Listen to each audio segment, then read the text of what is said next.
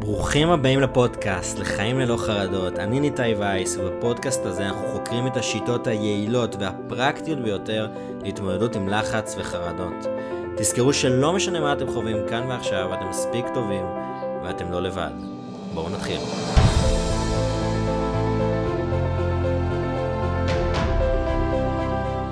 טוב, ברוכים הבאים לפודקאסט, לחיים ללא חרדות, פרק 11. היום יש לי אורח מדהים שאתם הולכים לשמוע על איך לדבר מול קהל בצורה טובה. גרג קרסיק מלווה אנשים להרגיש ביטחון וניחוח, ונינוחות לדבר מול קהל, שזה אנחנו יודעים שכמה פחד לדבר מול קהל הוא קשה, חרדת קהל, אה, שאני חושב שזה נחשב אפילו אחד מהפחדים אה, הכי גדולים שיש שם בעולם, אבל אנחנו נדבר על זה עוד רגע. כמו תמיד, לפני yes. שאני מתחיל את הפרק, אני מזכיר לכם שאם אתם עוברים תקופה קשה, יש לנו, למוח שלנו את היכולת לדבר לעצמנו, והמוח רואה שזה באמת מה שקורה. זאת אומרת, אתם יכולים להגיד לעצמכם איזושהי מחמאה, והמוח ייקח את זה כי באמת זה מה שקורה. אנחנו לא חייבים, לא חייבים לשמוע את זה ממישהו אחר. תגידו לעצמכם, אני מספיק טוב, אני חזק או אני חזקה. אנחנו נעבור את זה, זו תקופה. ובואו נתחיל בפרק. אז, שלום גרג. יש, איזה כיף, ואיזה אחלה של פתיח. אהבת? כי זה באמת, ממש מגניב. כי לא משנה מה קורה, ברגע שיש את ה-Q ומתחילים לצלם או מתחילים כזה, אתה יודע, צריך להרשים, צריך לעשות איזשהו משהו, אז משהו קורה בגוף, ואיזה כיף שאתה, איזה דרך מופלאה להתחיל פרק. שנייה לפני זה, תמיד לפני שנתחיל פרק, כן. יש לי את הקטע הזה של אוקיי, טוב, בוא נתחיל, צריך להתחיל לדבר עכשיו, ואני באופי שלי הוא יותר ביישן, יותר, אה, יותר אחד כזה שצריך רגע להגיד, אוקיי, בואו נתחיל. אני לא עכשיו אה, ואז כזה יש את הרגע, הזה, אוקיי, יש את החשש הזה, אבל אתה מתחיל, ואז אתה קצת, אה, לפעמים אני טיפה מגמגם, ואז, ואז זה יוצא בסדר. אז כזה, כן. כן. אז אה, כן, ובא לי גם לנרמל ולהגיד שכולנו בזה. כן. נראה לי זה כזה, אה, כולנו, כולנו בזה, ואני רואה ממנכ"לים וראשי צוותים, ומישהו שבחיים לא היית אומר, שנראה כביכול הכי מוחצן והכי כזה תקשורתי, ויש לו, לכולנו בסוף, למלא אנשים יש את הקושי הזה. זה, זה גם יש לי, הייתה לי הרצאה של שום, אני, שאני מדבר עליה, של איך, היית, אה, איך אני הרגשתי לפני, וגם יש קצת שיפוטיות לתחושות שלפני ההרצאה. אה, אבל כן, בואו שהקהל קצת יכיר, יכיר אותך, תספר קצת על, עליך, אה, מה אתה באמת עושה, איך אתה עוזר אנשים. יש, בואו נדבר עליי, סתם. אז... הפנס עליך. מה זה? הפנס עליך. יש, אוהב את זה, תביא לי את אור הזרקורים. אז אז חשוב לי לציין שמה זה לא אהבתי את אור הזרקורים בזמנו, זה היה ממש התרחקתי, זה היה לי ממש ממש קשה, כי תקופה מאוד ארוכה מהחיים שלי, סביבות כזה סוף גיל הנעורים עד אמצע ה-20, סבלתי מחרדה חברתית הארדקור, שזה אומר, אה, אתה יודע, זה לא להתראיין בפודקאסטים או לעשות, לא יודע, לדבר על במות ולהעביר קורסים, אלא היה לי קושי לצאת מהחדר ולדבר עם ההורים שלי. כאילו, אני ממש זוכר כזה איזושהי סצנה של... אה, כל הזמן אני חוזר אליה כי יש שם מלא כאב, כי אירחנו, המשפחה שלי, כאילו אירחנו את, את ארוחת פסח אצלנו, אני רוסי, אז אין הרבה משפחה, זה היה כזה כאילו איזה 12 איש, אבל עדיין, אני לאורך ארבע שעות יושב בחדר, נעול, ולא יוצא, כי גם ההימצאות בסביבה כזאת עם, נטו עם המשפחה שלי, אנשים שכביכול קרובים אליי, אני לא יכול לשבת שם, אני ממש מרגיש את זה בגוף, את המצוקה,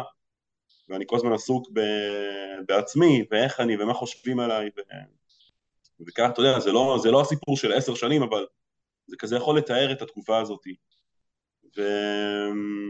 וסביבות גיל 25 התחלתי, החלטתי כזה, קיבלתי החלטה שגם היה איזשהו משהו דרמטי, לאו דווקא ניכנס לזה עכשיו, אבל אמרתי, זה לא יכול להימשך ככה, כי אני רואה שזה ממש דופק אותי בחיים, וזה סוגר אותי, ואין לי, אתה יודע, זה כזה אין מוצא, כי אתה כל הזמן בלופ הזה, האינסופי הזה, וזה לא נגמר, ויצאתי לאיזשהו מסע עם עצמי של כזה לעזור לעצמי.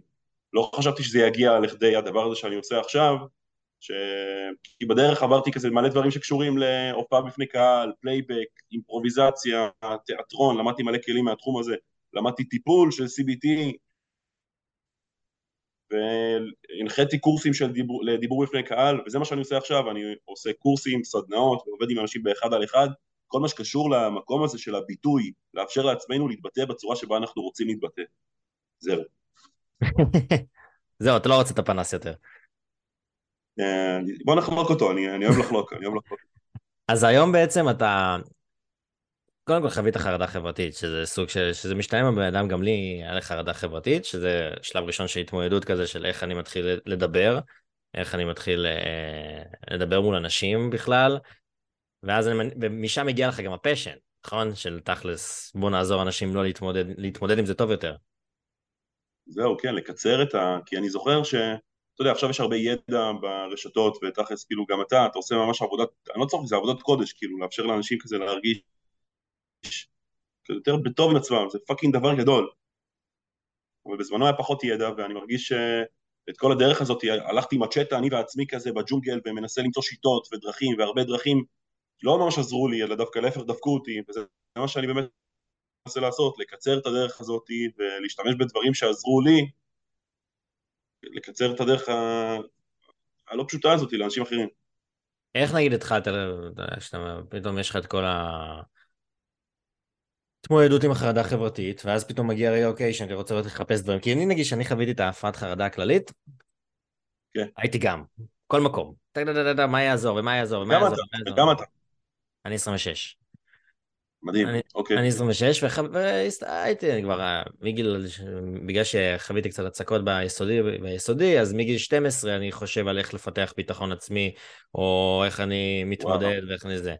אז זה מעניין איך, איך נגיד אתה היית ממליץ נגיד למישהו שבאמת עכשיו נכנס, אוקיי, יאללה, כאילו להתחיל לחפש בגוגל, איך להתחיל להתמודד בכלל עם חרדה חברתית, איך להתחיל לדבר מול אנשים בכלל.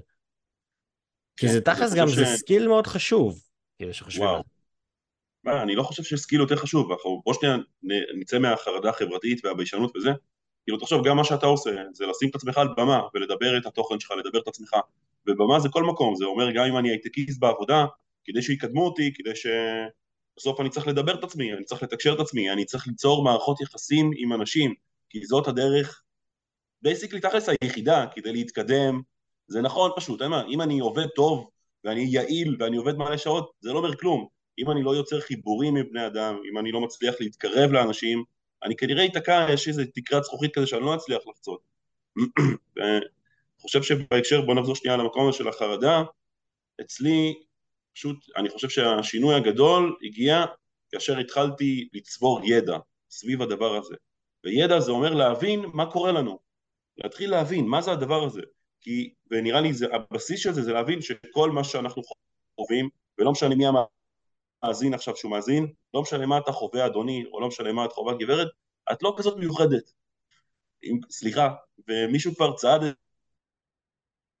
הדרך הזאת, וכנראה כתבו על זה כבר ספר טוב, או שיש על זה איזשהו פודקאסט מעולה, ויכול להיות שגם שניתאי דיבר על זה באיזשהו זה, אז כאילו, פשוט להתחיל לצבור ידע, ולהתחיל להבין מה קורה לנו, וזה אצלי זה כאילו זה היה הבסיס, ומה שהתחלתי בזמנו זה היה CBT, זה היה הדבר הראשון שהתחלתי כזה להבין מה קורה.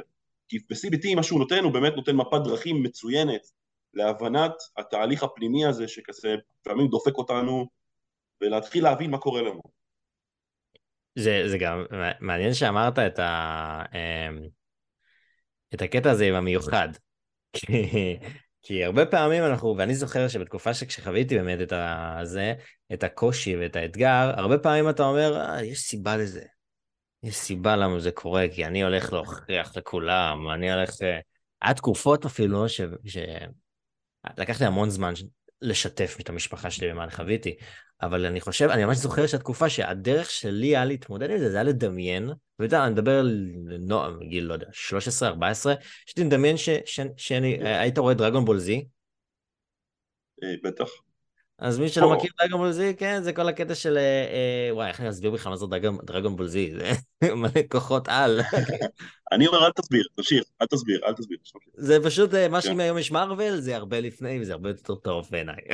אבל בסדר, אני מאוד אוהב מארוול, ואני מאוד אוהב מארוול. כן, כן, כן.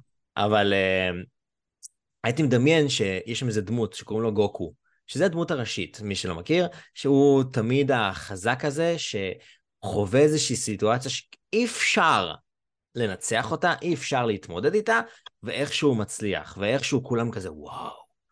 ואני זוכר שהיה תקופה שפשוט הייתי מדמיין שאני גוקו. ש, ש, ש, שהסיבה שאני סובל זה כי אני הולך להוכיח לכולם באיזושהי דרך. אה... אח שלי, אבל אתה גוקו. לא בדרך, שלי, בדרך לא שלי. לא אבל, צוחק, זה ממש אבל, בגוקו. להתגבר על חרדה זה נכון, זה קשה מאוד, נכון. זה דבר מאתגר וקשה מאוד, ואני חושב שאצלי ההתגברות על זה, והמקום הזה שמצאתי את עצמי במקום של אהבה כלפי עצמי, זה באמת גוקו כי זה העצים אותי בטירוף, עזוב את רק להתגבר על חרדה. ברגע שאתה מחבק את המקומות האלה שאנחנו לא אוהבים, זה עוצמה עצומה, אני באמת, זה הגדיל אותי, זה הגדיל אותי בתור בן אדם, אז אני, אני לא מזלזל בזה, אני לגמרי, אני גוקו, לגמרי. אני, אני בדיוק גם דיברתי על זה, הקטע שבאמת כל כך דמיינתי שאני מיוחד, היה לי חשוב, ומשהו שהוא נכון, שכל כך הרבה אנשים חווים את זה. זאת אומרת, כמו שאתה אומר, חוו את מה שדברים דורים, ומישהו עשה על זה ספר, ומישהו עבד על זה, ומישהו זה...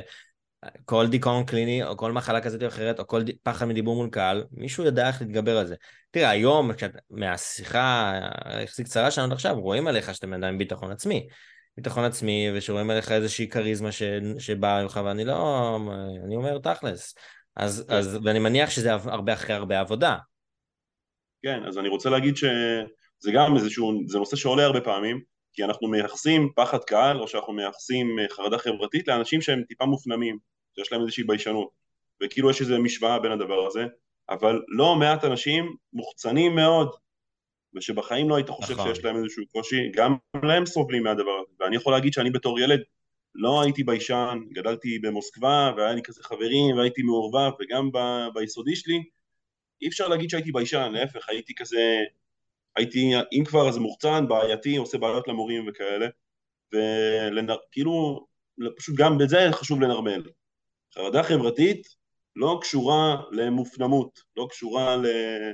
אתה יכול להיות מוחצן, ויש הרבה אנשים, אני מבטיח לך, אם תתחיל להתבונן על זה, אני סתם שם לך דוגמה של, תחשוב, מישהו באיזושהי סיטואציה חברתית, והוא ממש מתאמץ להציג את עצמו שהוא כזה איזה אלפא, וכל הגוף שלו פתוח, והוא כזה, אתה יודע, אני כאילו אגיד קצת ערסים כזה, כאילו, הוא ממש מקרין כאילו ביטחון. מי, שמק, מי שמרגיש ביטחון, לא צריך להקרין את זה כל היום, הוא לא עסוק בלהקרין, מבין? מישהו שמרגיש בביטחון בפנים, רואים, וחמסה חמסה אפשר להרגיש שהוא בטוח. האלה שמגזימים, אז הייתי כזה שם סימן שאלה על המקום הזה, מה קורה שם בפנים. וזה גם, אתה רואה את זה, אני נגיד הייתי מרגיש את זה המון על... אה, שלפעמים מהתקופה שהייתי מרגיש שאני צריך להיות ה... אני מדבר לא, לא בכיתה, אבל נגיד עם חברים, לי, איך הפסיכולוגיה שלי הייתה אומרת לי בזמנו? ליצן החצר. שאתה כן. אומר שאתה רוצה שהפוקוס יהיה עליך, שאתה אומר שטויות, שאתה אומר בדיחות, אבל בס... וזה גם מי שאני, אבל גם באיזשהו מקום, אה, כדי לקבל את היחס הזה, אבל בדיעבד מתחת לכל הדברים האלה מסתתר איזשהו חשש להיות לבד, חשש שלא יאהבו אותך. כן. אה, גם יותר, גם אני גם רוצה להיכנס לעולם הזה של באמת של, ה, של הדיבור מול קהל, שאני אה, בתור ילד, וגם סצקות מסוימות שחוויתי, מאוד חששתי, זו הייתה חרדה מאוד מאוד גדולה שלי לדבר מול הכיתה, לדוגמה. אני מדבר על יסודי, אפילו על תיכון. הייתי בורח מזה, הייתי סולד, הייתי אומר שאני חולה. ש, שהיה איזה... לא הייתי, אני לא חושב שהיה אפילו פעם אחת בחיים שדיברתי מול הכיתה, אני לא מדבר על... לא, אתה עונה על איזה שאלה, על יסודי או תיכון שעמדתי מול הכיתה ודיברתי, מעבר לזה תמיד פחדתי גם לדבר ולהגיד תשובה, פחדתי שיצחקו עליי. שזה גם עולם ומלואו, איך ילד בכלל אמור להתמודד עם זה. אה, או איך ילד בכלל... ממש. והיום כן. אני, נכון, פחד דיבור מול קהל נחשב, יש יותר פחד ממוות? שמעתי על זה משהו? כן, יש את הבדיחה הידועה של ג'רי סיינפלד, אני לא רוצה להגיד אותה כי זה כאילו כבר קלישאה שחוקה, אבל כן, אוקיי. זה בדיחה או שזה אמיתי? לא, כי הוא אומר, הבדיחה, טוב, אני אגיד אותה, הוא אומר שבלוויה אנשים מעדיפים להיות, ב, אתה יודע, בארון מתים ולא לשאת את הנאום של ה... אה, אוקיי. הבנתי, כן. כן. גם כשהיה לנו איזשהו מועדון דיבור מול קהל במכללה שאני לומד בה, והיה, הייתה מישהי שממש דיברה על הקטע הזה שהיא לא מסוגלת לדבר מול אנשים, ממש פחד וחרדה, ומעניין אותי איך נגיד מתחילים בכלל לדבר על הדבר הזה, איך מתחילים, מישהו בא אליך ואומר, שמע, אני לא מסוגל אה, אה, לדבר מול אנשים. וכולנו, מי שחושב תרחס פרקטית יודע כמה זה חשוב. אה, איך מתחילים, כן. איך אתה מתחיל לעבוד בכלל עם בן אדם כזה? אה, אני חושב שבאמת, זו שאלה מצוינת, כי רוב האנשים שמגיעים אליי, הם נמצאים באיזושהי נקודה קריטית. כי כמו שאני מניח שאתה יודע, כדי להתמודד עם פחד כזה גדול, שכל כך מנהל אותנו, כמו שאתה משתף כזה מהילדות וכן הלאה, זה פחד שהוא שורשי בנו. כדי כן. לקבל את ההחלטה שאנחנו רוצים לצאת לדרך ולהתמודד עם זה, כנראה היה איזשהו משהו. אז אחת השאלות שאני הרבה פעמים שואל כזה בפגישות היכרות זה, נו, מה קרה? מה, מה, מה, או מה עתיד לקרות? יש איזשהו נאום שאתה צריך לצאת בחתונה, או מה Mm. קרה בעבודה? ולרוב, אני אגיד שבהיקפים מאוד גדולים, ביותר באחד על אחד, לא לקורסים. לקורסים מגיעים כזה אנשים מגוונים ויותר פתוחים, אבל באחד על אחד זה אנשים שצריכים פתרון עכשיו. ואני חושב שזה זה מעולה, זה אחלה דרך, כי הנקודות משבר האלה, שאתה נוגע בקרקעית, זה אחלה קרקע להתחיל אה, לעבור שינוי. כן. כי כאילו, כי אנחנו כולנו חיים כזה בתוך השגרה שלנו, וכמו שאתה אומר, אתה כזה לאורך מלא זמן מהילדות שלך, אתה נמנעת מהדבר הזה. אז הימנעות זה אחלה שיטה, והרבה אנשים עובדים בעבודות אה, יוקרתיות, לא יודע, רואי חשבון, עורכי דין, מתכנתים, והם מוצאים שיטות מעולות איך להתחמק מהדברים האלה, או שיטות אחרות, כאילו יש כזה שתי שיטות של להתמודד. אנשים מתמודדים עם פחד קל בשתי, בשתי צורות שונות. האחד זה באמת הימנעות, והשנייה, וזה לא יעיל, אפשר להיכנס לזה למה, זה לא יעיל ולמה זה דופק אותנו, והדרך השנייה זה הכנת יתר. זה אני אדע את הכל, אני אשנן ואני אהיה על זה ואין שום מקום לאי ודאות, וגם זה, זה כאילו זה, אם זאת הדרך שלי, אני הולך זה כאילו זה לא יעזור לי כי בסוף אני אדפק מזה. אז אני חושב שהתשובה בקצר זה אנשים צמאים לשינוי, צריכים אה, כזה להרגיש את זה של אני מוכן לעבודה קשה.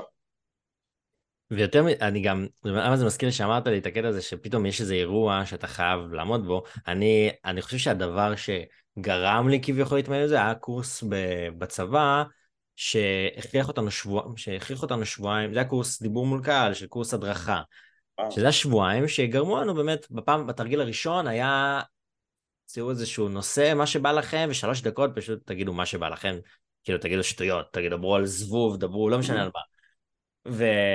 וכל הקורס הזה היה מאוד מאוד מאתגר בשבילי.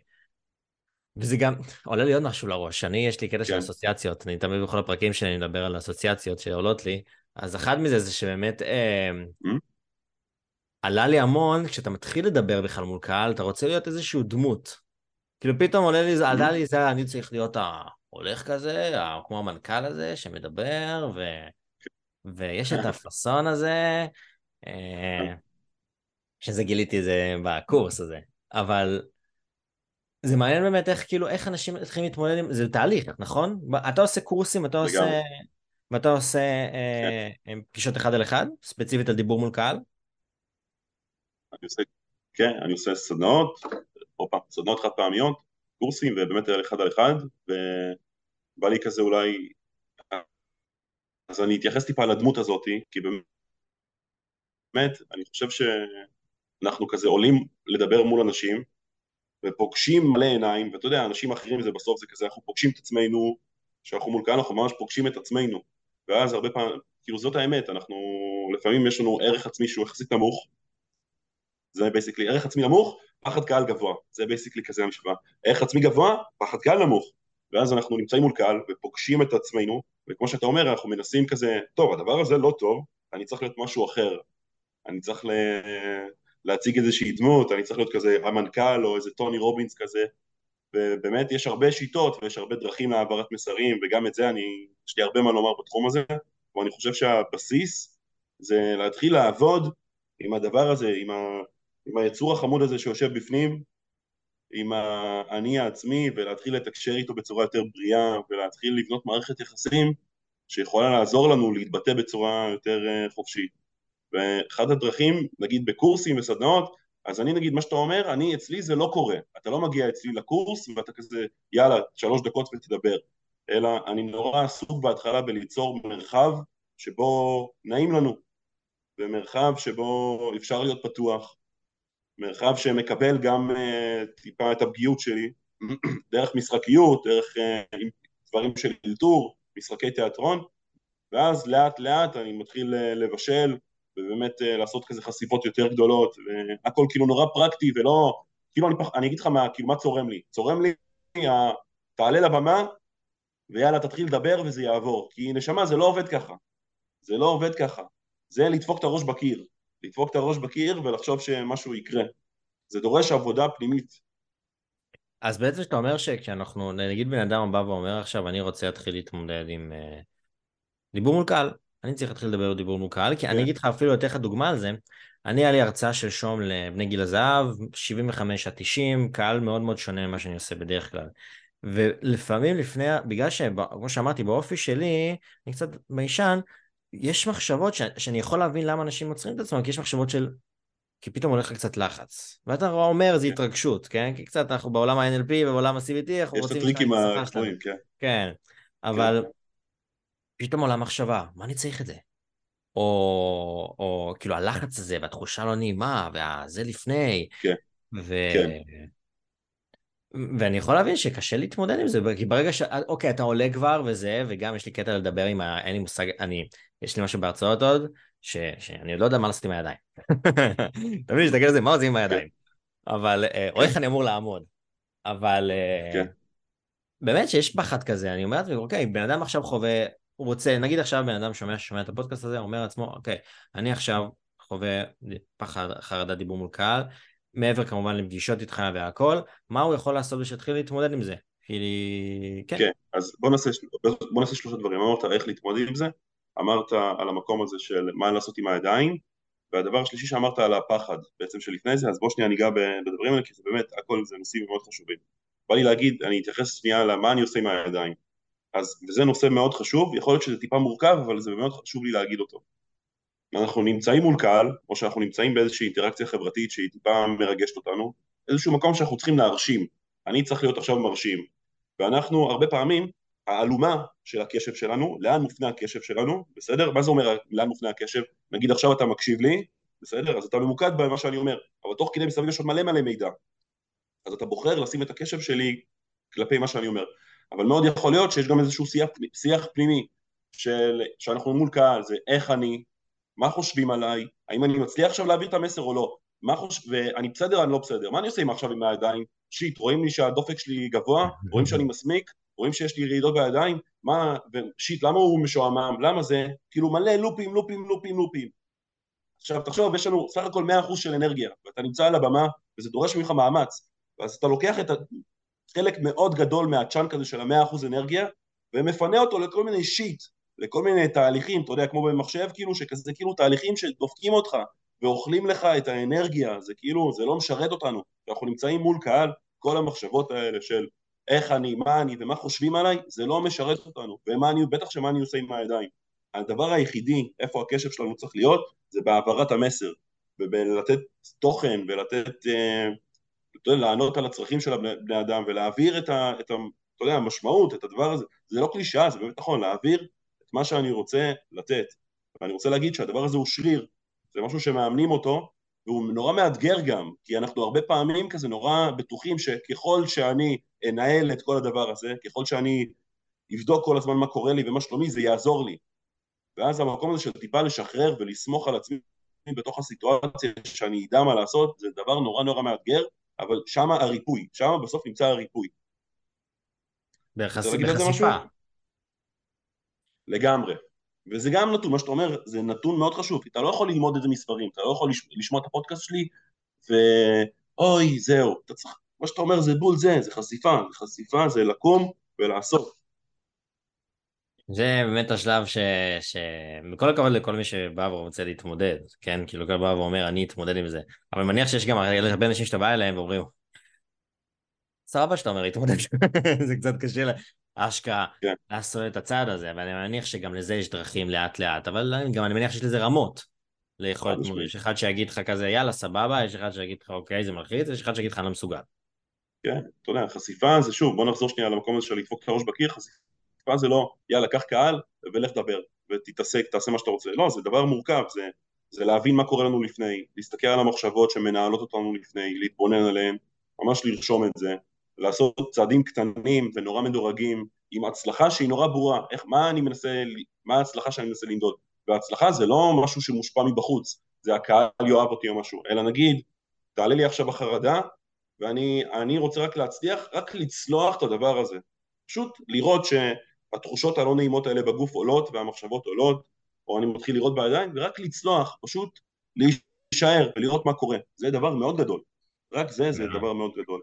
ואז אחרי זה שסיימנו, אז גם לנתח את המחשבות שהיו לפני, כאילו מה חשבתי שיקרה ומה קרה בפועל, וגם לראות מה, מה הדברים הטובים שעשיתי, האם הפחד שלי יתממש בסוף או לא, אתה מבין? זה חשיפות זה ממש תהליך שאתה מדבר פה, כאילו ממש כאילו, אני נגיד, כשאני עושה הרצאה, אני כאילו אומר לעצמי, אוקיי, יש את החשש הזה לפני, ואחד הדברים שאני יודע שאני צריך לשפר לעצמי זה באמת אולי הניתוח הזה אחר כך, מה עשיתי טוב, מה אני צריך לשפר. בדוק.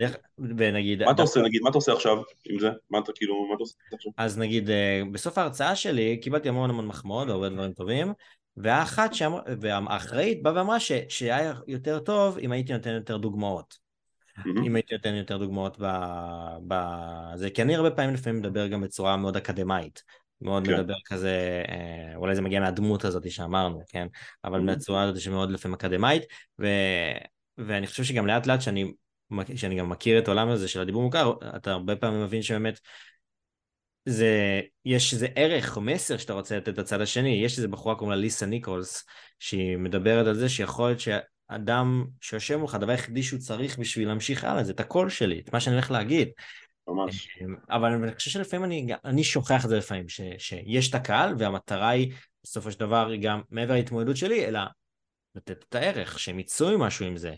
אה, אולי כן. אנשים מתרכזים יותר מדי בעצמם, לא? כן, אבל... אה, אבל אם כאילו, כן, כן לנרמל את מה שאתה אומר, ובסוף, גם מול קהל אנחנו רוצים ליצור חיבור.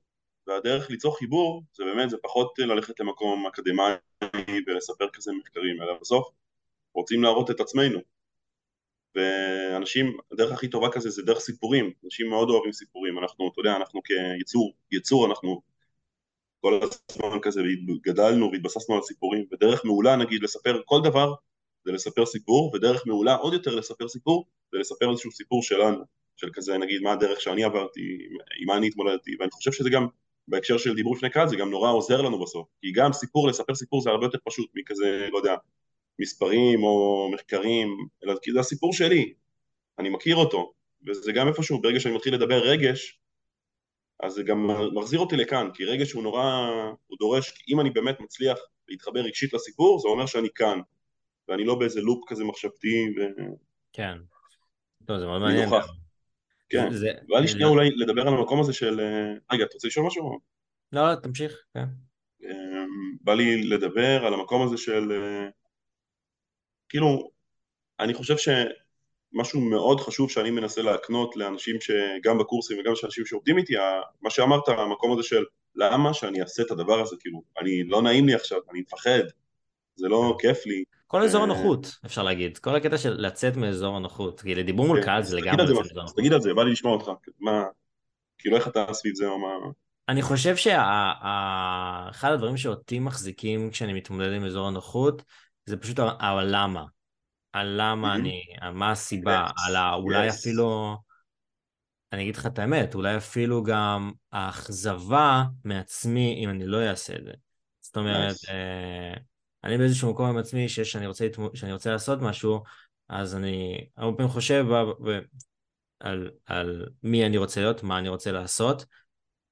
ואני יהיה לי אני חושב, ש, אני חושב שאחד הדברים ש, שגם במיינדפלנס וגם אנחנו עובדים על עצמם, על עצמי, ועדיין אני חושב שזה תהליך לכל החיים, זה היכולת גם לא להיות שיפוטי כל כך, אלא להיות יותר קל.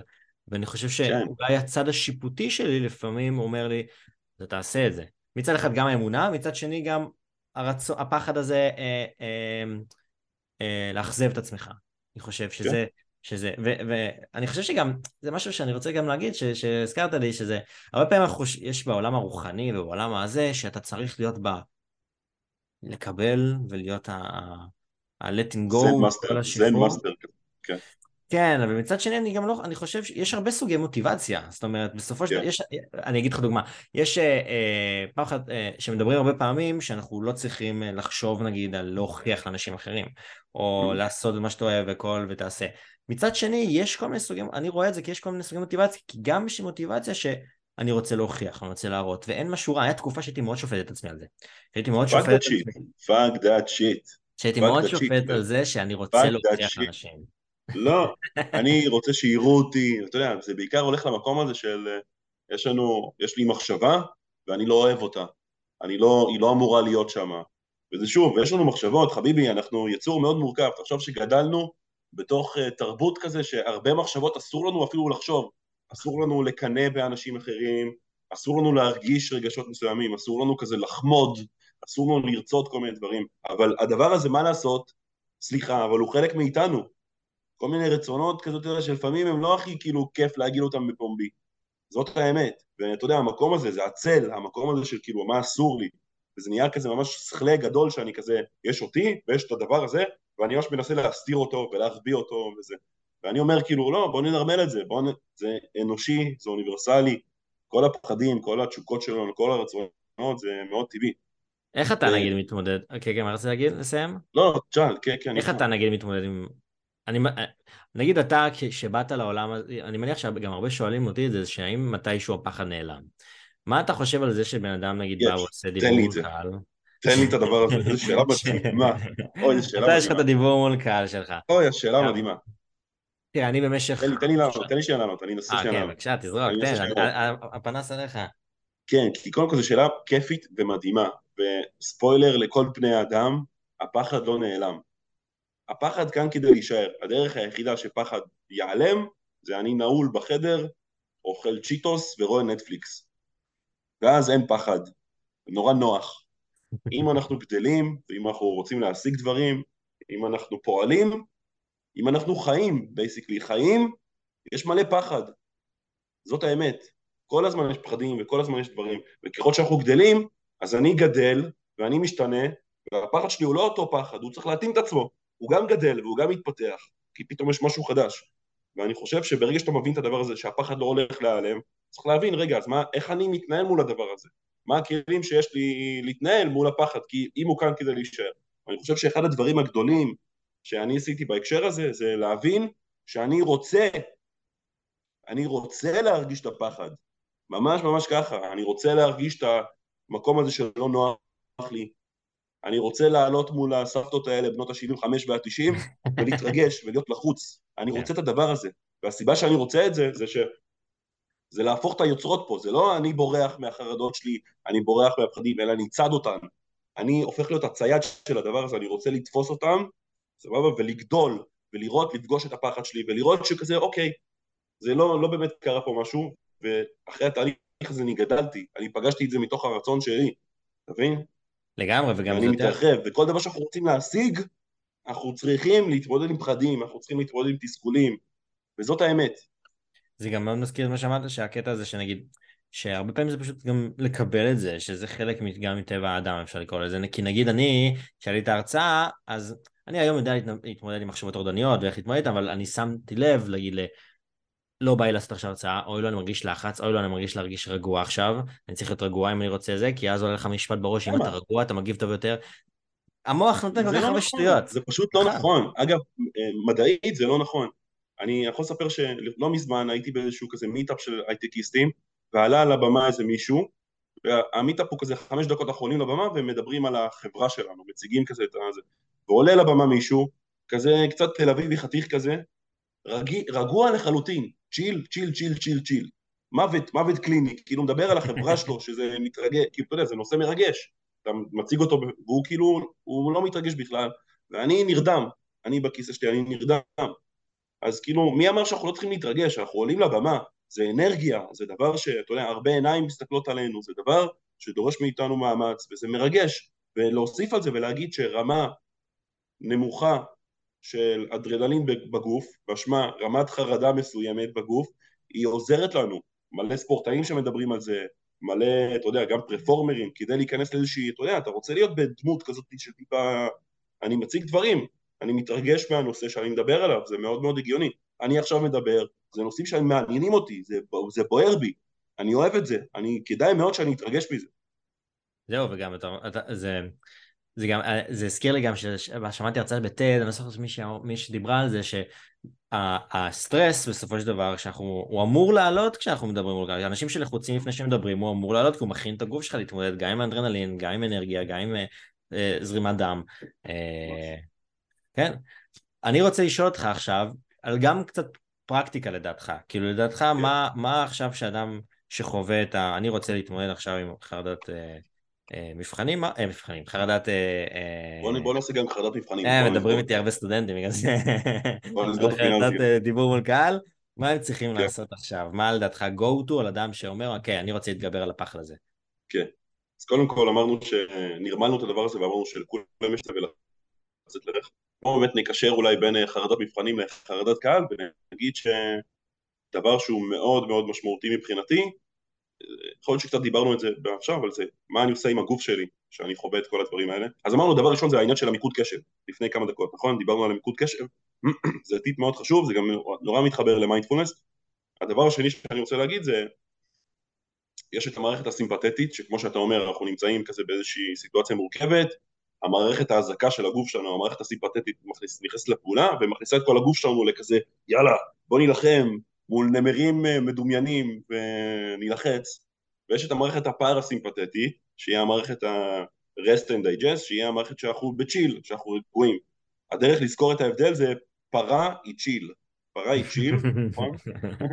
זה נורא מבלבל, למה זה חייב להיות אותו שם, זה ממש מוזר.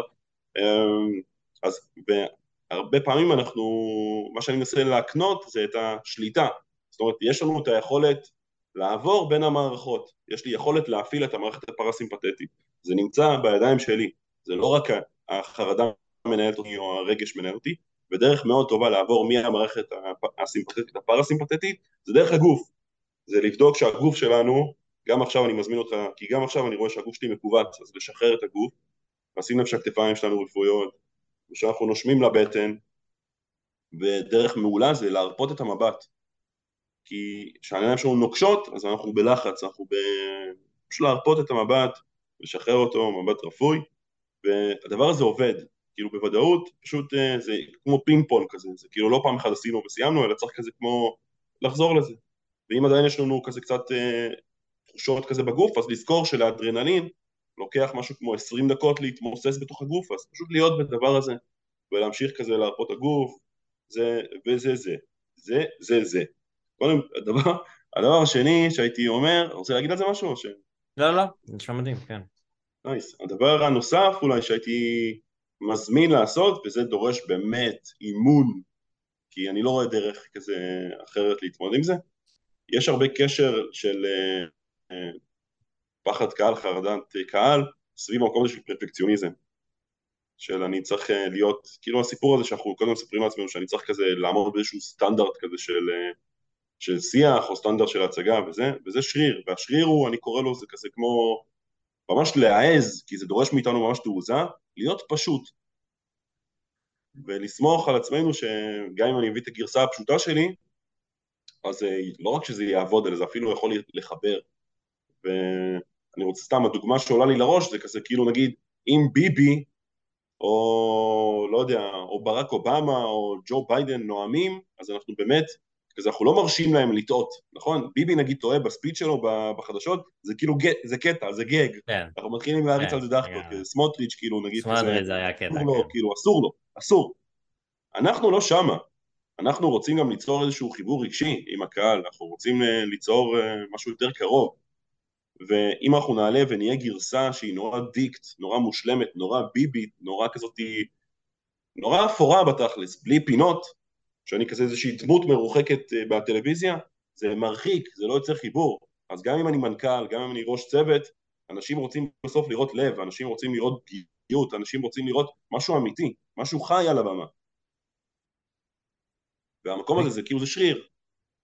כן, היית, היית ממליץ גם לאנשים פשוט אה, לתרגל אה, דיבור, נגיד עכשיו, אין לי עכשיו, נגיד מישהו, אין לי עכשיו 30 אלף אנשים לדבר מולם, אבל היית אומר להם לכו תדברו ליד מישהו, דברו למצלמה, תעשו משהו כזה? אז הייתי קודם כל מזמין אותם מאוד לדברים שאני עושה. אז זה כי זה מה שאני עושה, אני עושה קורסים של... אה, כן. קורסים בתחום הזה, של לאפשר לעצמנו בצורה של צ'יל, לא עכשיו קח תזרק למים, זה זה. אני יכול להגיד שאני התחלתי איך התחלתי לעשות את זה? אז אה, הזמנתי חברים שלי לאיזשהו כזה בואו נשב פעם בשבועיים ונתאמן אחד על השני כזה. וזאת ממש הדבר הראשון שעשיתי כאילו במסע הזה ואני זוכר שהגעתי לזה, כאילו אתה יודע, אני צריך להוביל את זה. וזה מצחיק כי סיפרנו את הבדיחה של ג'רי סיינפלד בהתחלה, אז זה היה חלק מה speech שלי בזמנו, שכזה בואו חברים, וכמו שהתרגשתי והייתי לחוץ, אתה יודע, סביב, היו שם נראה לי ארבעה חברים, והייתי fucking לחוץ, כאילו שבועיים להכין את ה speech הזה מראש, ו... אז זה נגיד דרך. אה, improv, improv וכל מה שקשור לאלתור, אז זה גם אחלה דרך להתחיל להתאמן על זה, כי שוב, אני חושב שמה שאימפרוביזציה עושה, מה שאלתור עושה, זה אנחנו עובדים על השריר הזה של לסמוך על עצמנו, שאנחנו נמצאים על הבמה או בסיטואציות רנדומליות, זה כאילו זה שריר וזה מתודולוגיה שאפשר ללמוד. זה, זה מעניין איך אני פועל מול אי ודאות. שגם יש איזה תרגיל כזה של, אה, של סוג של המילה האחרונה שאתה אומר, אתה ממשיך את זה למשפט הבא, ואז זה מלא אסוציאציות. לעשות משהו? הופה, אני מתקיל אותך. התקלות. טה טה טה טה. תן לי. רוצה? תן לי, נו. אמ, בוא נעשה איזה משהו קטן. אמ, בוא נעשה משהו פשוט, פשוט, סבבה? בוא נעשה אני ואתה, זה כאילו ממש, זה הבסיס, ואני מזמין אותך גם שוב עכשיו להרפות את הגוף, ולשים לב שכאילו אנחנו עושים דבר מטופש, ולא שמים את עצמנו לאיזה מבחן, כי fuck you, fuck you מבחנים. Fuck you, כן. Fuck you. אה, גם מבחנים. גם החרדות מבחנים. גם החרדות מבחנים, הכל ביחד. הכל ביחד. אוקיי, ובוא נעשה שאני ואתה, אנחנו... אני מרגיש פה vibe, אני מרגיש פה חיבור, ובוא... אנחנו מתכננים לצאת לפיקניק ביחד. אוקיי. Okay. בסדר? וכדי לצאת לפיקניק אז אנחנו צריכים בהתחלה לחשוב מה אנחנו רוצים להביא, נכון? נכון. אז בואו נתחיל ממשהו שהרבה אנשים עושים, אתה תציע משהו, ואני אגיד לך לא, אני לא רוצה את זה, זה רעיון לא טוב, ואז אני אציע לך משהו ואתה גם תגיד לי לא. Okay. אוקיי. ונעשה פינג פונג כזה של לואים, סבבה? אתה יכול yeah. כן. להסביר למה אתה לא רוצה את מה שאני אציע? אתה לא חייב, פשוט רק להגיד לא. אני אומר, אז אני מתחיל במשפט של מה אנחנו רוצים לקחת, אה, מה לקחת yeah, לפיקניק. תגיד כזה משהו כמו בוא נביא משהו. טוב, אני אתחיל, סבבה? אני אתחיל. יאללה. בוא נביא, בוא נביא לחם. לא. בוא נביא אוקיי. פשטידה. לא, אני לא אוהב פשטידות, זה לא טעים. בוא נביא, תקשיב, בוא נביא מלא אלכוהול. אני לא שותה אלכוהול, בוא נביא קולה. איך, זה משמין. אני מזמין אותך, תעלה את הלא, תעלה את הלא. תעלה את הלא, אוקיי, אוקיי. אה, בוא נביא, בוא נביא מלא פירות. פירות, יש בזה הרבה סוכר, זה פוגע בגוף. בוא נביא משהו בריא יותר, כמו ירקות. לא, ירקות זה איכסה. יפה, אז התנסינו בלא, בסדר? היה זה כבר מצחיק וזה משחרר איזשהו משהו, כן. להשתתות וקצת להרשות לעצמנו להגיד כל מיני דברים שאנחנו בערך לא אומרים, זה כבר כיף, אבל אני חושב ש... כזה קודם כל לבדוק מה שלומנו בתוך החוויה הזאתי, ובואו נתקדם כבר לשלב הבא, שהוא ממש ההפך. אם עשינו עכשיו את הלא, אנחנו נעשה עכשיו את ה... כן. מדהים. אבל שוב, אני מזמין אותך שזה לא יהיה כן, אלא זה יהיה יואו, כן. אוקיי. אילתור. איזה מידע מטורף. כן, אוקיי. מבין? ממש כאילו, כי חלק גדול מאוד מהאימפרוביזציה זה שאתה עולה עם מישהו לבמה ואתם ביחד. אתה מבין? כי תחשוב, לעלות על במה זה נורא חשוף. ולא רק שאתה עולה לבמה, אתה גם לא יודע מה הולך לקרות, אתה צריך לאלתר את הסצנה. וכדי שהדבר הזה יקרה, אז אתה ממש צריך לסמוך על מישהו, והבן אדם השני צריך לסמוך עליך. ואחד החוקים הכי חשובים באימפרוביזציה זה שאתה מעצים את הפרטנר, והפרטנר מעצים אותך. ואז כשיש את החוויה הזאת, אז באמת יש בזה משהו תרפיוטי באמת, אני לא צוחק, זה כאילו, זה עוצמה, כאילו לסמוך על בן אדם. בתוך גם, חוויה... גם כשאתה עושה את זה אבל לבד? גם כשאתה עושה אימפרוביזציה, גם כשאתה עושה את ה... קשה להגיד את המילה הזאת, אלתור לבד? אלתור לבד, אני חושב ש... תשמע, אני, אני, אני אתחבר לזה ואני אגיד שגם פה אתה כאילו כביכול לא לבד, כי אתה עם עצמך. כן. ואתה פוגש את עצמך כזה, מה מותר לי להגיד ומה אסור, ואז איך אתה בתוך השיח הפנימי, אבל אני חושב שזה נושא יותר מורכב, זה נושא יותר... כן, נושא אבל זה אחלה דרך לתרגל בעצם, לתרגל את האלתור. לגמרי, אז בוא נעשה קצת כן, רוצה לעשות קצת כן? יאללה. אז תציע משהו, תציע מה נביא. בוא, אני אגיד לך מה, בא לי להביא קצת פיצות, זה בא לי לאכול... יואו! כן, בוא נביא פיצות, ניתאי, איזה... פיצות זה תמיד כיף. תקשיב, בוא נביא, בוא נביא, בוא נביא מלא אקדחים. וואו, אחי. זה בדיוק מה שרציתי עכשיו. חטאת, בדיוק. בוא אוקיי, נביא גם, אה, בוא נביא גם, אה, וואו, בוא נביא, בוא נביא גם המבורגרים, אה, יואו, המבורגרים, כן, המבורגרים ופיצות ואקדחים. זה מסיבת בנים הכי טובה שיכולה להיות בעולם. בוא נביא גם, בוא נביא גם רוגלח. רוגלח זה מעולה, זה בדיוק מה שבא לי, בא לי את הדבר המתוק בסוף הארוחה, הייתי מוסיף גם מלאבי לדבר הזה. יואו, מלאבי, אחי, אתה fucking גאון. אז סבבה, אז רק להרגיש מה קורה לנו, כן. ובוא נגיד שהכן הוא הרבה יותר כיף, תסכים איתי. ברור. כן. הרבה יותר כיף לקבל כן, ואני לא יודע אם אתה בטוח לזה, אבל שים לב מה קרה לך שמה, קרה לך איזשהו מקום כזה של אה, כאילו, לא יודע, כאילו לא שחררת את ההמבורגר ישר, אז מעניין אותי לשאול כזה מה היה שם, אתה רוצה לשתף או... היה לי איזה... יש שתי דברים ששמתי לב. אחד זה שאני... ש... שהרבה פעמים אנחנו עושים הרצאה, חושבים על ה-אה וה-אה, ואז פתאום אתה שותק, ואז אתה, המוח שלך אומר אה כדי לתת איזשהו זה. כן. זה אחד הדברים שאומרים לי, למה בחרתי המבורגר? אולי זה משהו בתת לא תמונה שלי. לא למה, שים לב לשאלה, לא למה, כי כל התרגילים האלה, אין דרך איך להצליח, אנחנו כל הזמן מנסים להצליח במשהו.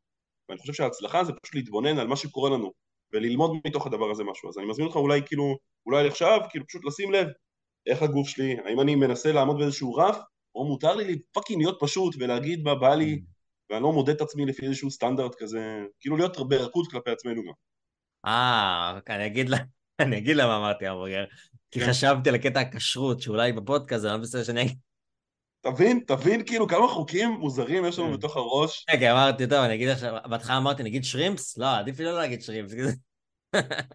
אני ממש מבין. ותחשוב, כן. זה דוגמה לחוק יחסית דווקא שהוא... הוא... אני יכול לקבל אותו כי זה היגיון, יש בזה הרבה היגיון, אבל יש לנו מלא חוקים בתוכנו של מה להגיד ומה לא להגיד, שהם ממש לא משרתים אותנו. למשל, כאילו, אני חייב להיות כל הזמן יצירתי, אני חייב שכולם יבינו אותי כל הזמן, אני צריך להסביר את עצמי מיליון פעם, וכל מיני חוקים שהאימפרוביזציה מאפשרת לבדוק אותם ול- ולשחק איתם, כאילו אולי אפשר להתמקם מול זה אחרת. סבבה, אז עשינו את הלא, עשינו את וזה הכן. גם ממש כן. מגיע לקטע הזה של, של אני, אני, זה, זה כזה הערת לי איזה נקודה, שבאמת כאילו זה באמת גם עוזר באמת, לא, באמת לדיבור מול קהל, שאתה עושה, שאתה מדבר יותר בחופשיות, שאתה... בדוק, כי אי אפשר להתכונן, חביבי, אי אפשר להתכונן להכל, בסוף אתה נמצא בסיטואציה עם מלא מורכבויות, ואם אתה לא סומך על עצמך שתדע להתמודד בתוכה עם מה שיבוא, אז תמיד יש איזשהו ריזיקה, ואני פשוט, אני אגיד לך דוגרי, כאילו רוב המקומות שאני מגיע אליהם עכשיו, לסדנאות וזה, אני כזה, יאללה, בוא נשחק, חברים, בואו, זה לא שאני לא מתרגש וזה, אבל אני כן. כזה סומך על עצמי, שאני אדע איך להתמודד עם זה, אני בא לעשות כיף. שנייה, אז בוא נסיים את זה, אז הכרנו את הלא, נגענו בכן, ועכשיו אנחנו נכיר את החוק, אולי הכי חשוב של האימפרוביזציה, זה הכן ו... מה זה אומר? אנחנו, שוב, אני אציע, אני אגיד איזשהו משהו, אבל הפעם אתה תגיד כן לרעיון הזה ותוסיף איזשהו משהו משלך. ואז אני אקח את מה שאתה אמרת, ואני אוסיף משהו ונבנה איזה משהו ביחד. כן. ו, אבל ו כאילו שנותן אה, קונטרה לכן, משהו ללא, כאילו... אז זהו, אז אה, שוב, אנחנו נורא ביחד, אנחנו לא מחפשים את הקונפליקט, כי מה שהעלית זה נושא מאוד חשוב, כי הרבה פעמים אנשים שמתחילים לעשות אימפרוביזציה, הם הולכים ישר כזה לקונפליקט, וזה, לא, אח שלי, אנחנו ביחד בדבר הזה. מה שבא לי, לא כאילו... כן, לא צריך קונפליקט, אה, אבל בוא אוקיי. שנייה, כאילו איך נעשה את זה, אוקיי. בוא נעשה את זה, כן בצורה מובנית, אז אנחנו ניזכר בטיול המשותף שעשינו ביחד. אתה זוכר את הטיול הזה, נכון? כן, זה, זה טיול, היה תרנגולות עם- ופרות שהסתובבו איתנו. נכון, כן, כן, באמת, עשינו, אני ואתה נסענו, בעצם נסענו לאיזה כפר, נסענו לכפר לאיזה שבוע של כזה טיפול בתרנגולות ובפרות, וכזה עזבנו את כל הרעשי רקע של ה... אתה יודע, של כל הפודקאסטים, ופשוט היינו בטבע, זוכר? זה היה מדהים. כן, גם שמנו את המוזיקה של, ה...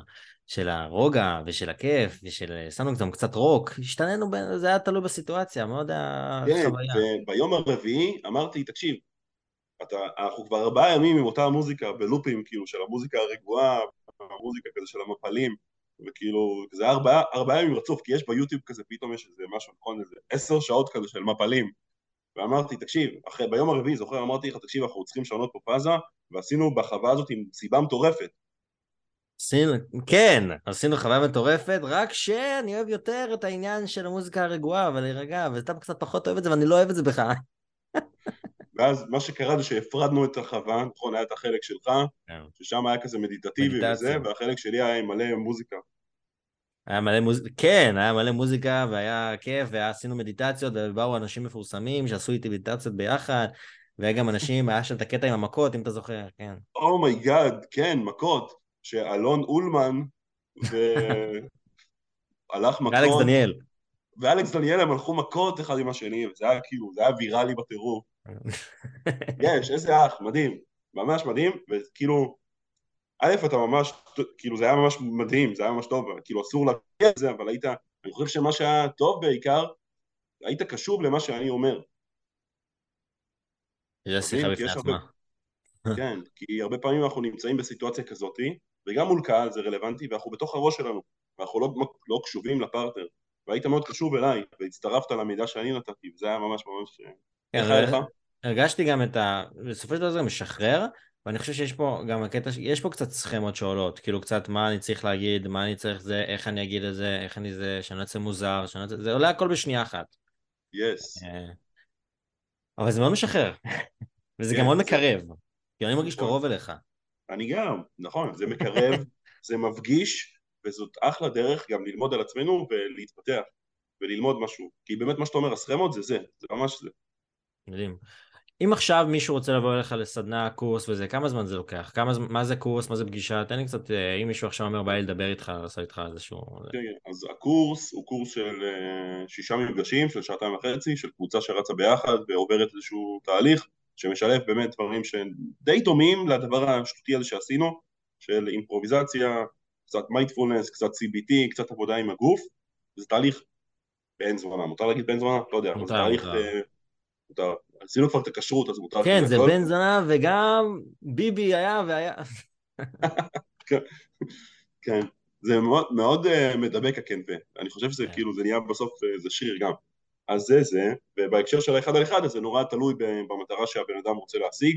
זה יכול להיות, uh, יש לי גם אנשים שצריכים נגיד להעביר איזשהו פיץ' באיזשהו מקום, אז זה פגישה אחת שמספיקה כזה גם להבין מה קורה לנו ואיך אפשר להתמקם מול זה אחרת, ויש אנשים שגם עוברים איתי תהליך כזה של כמה חודשים מחרדה חברתית לכזה להיפתח ולאפשר לעצמנו, אבל תכלס רוב התהליכים זה כזה ארבע פגישות, חמש פגישות של שעה וחצי שבהם אנחנו באמת עושים את כל אותם הדברים.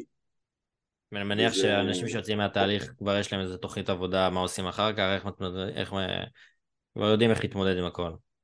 כן לגמרי, כאילו בסוף אני חושב שאנחנו די דומים במקום הזה של אני לא, אני לא, לא יודע אם אנחנו, כאילו, אני לא רואה את עצמי מטפל, אני בא ונותן כלים, כזה פשוט כן, שעזרו לי, ניי, סבבה, וכאילו אני לא כזה בא לטפל בך, נשמה, תטפל בעצמך, כאילו, קח את הכלים, קח את הידע שלי, אני רוצה להעביר אליך, ויצא לדרך, כאילו.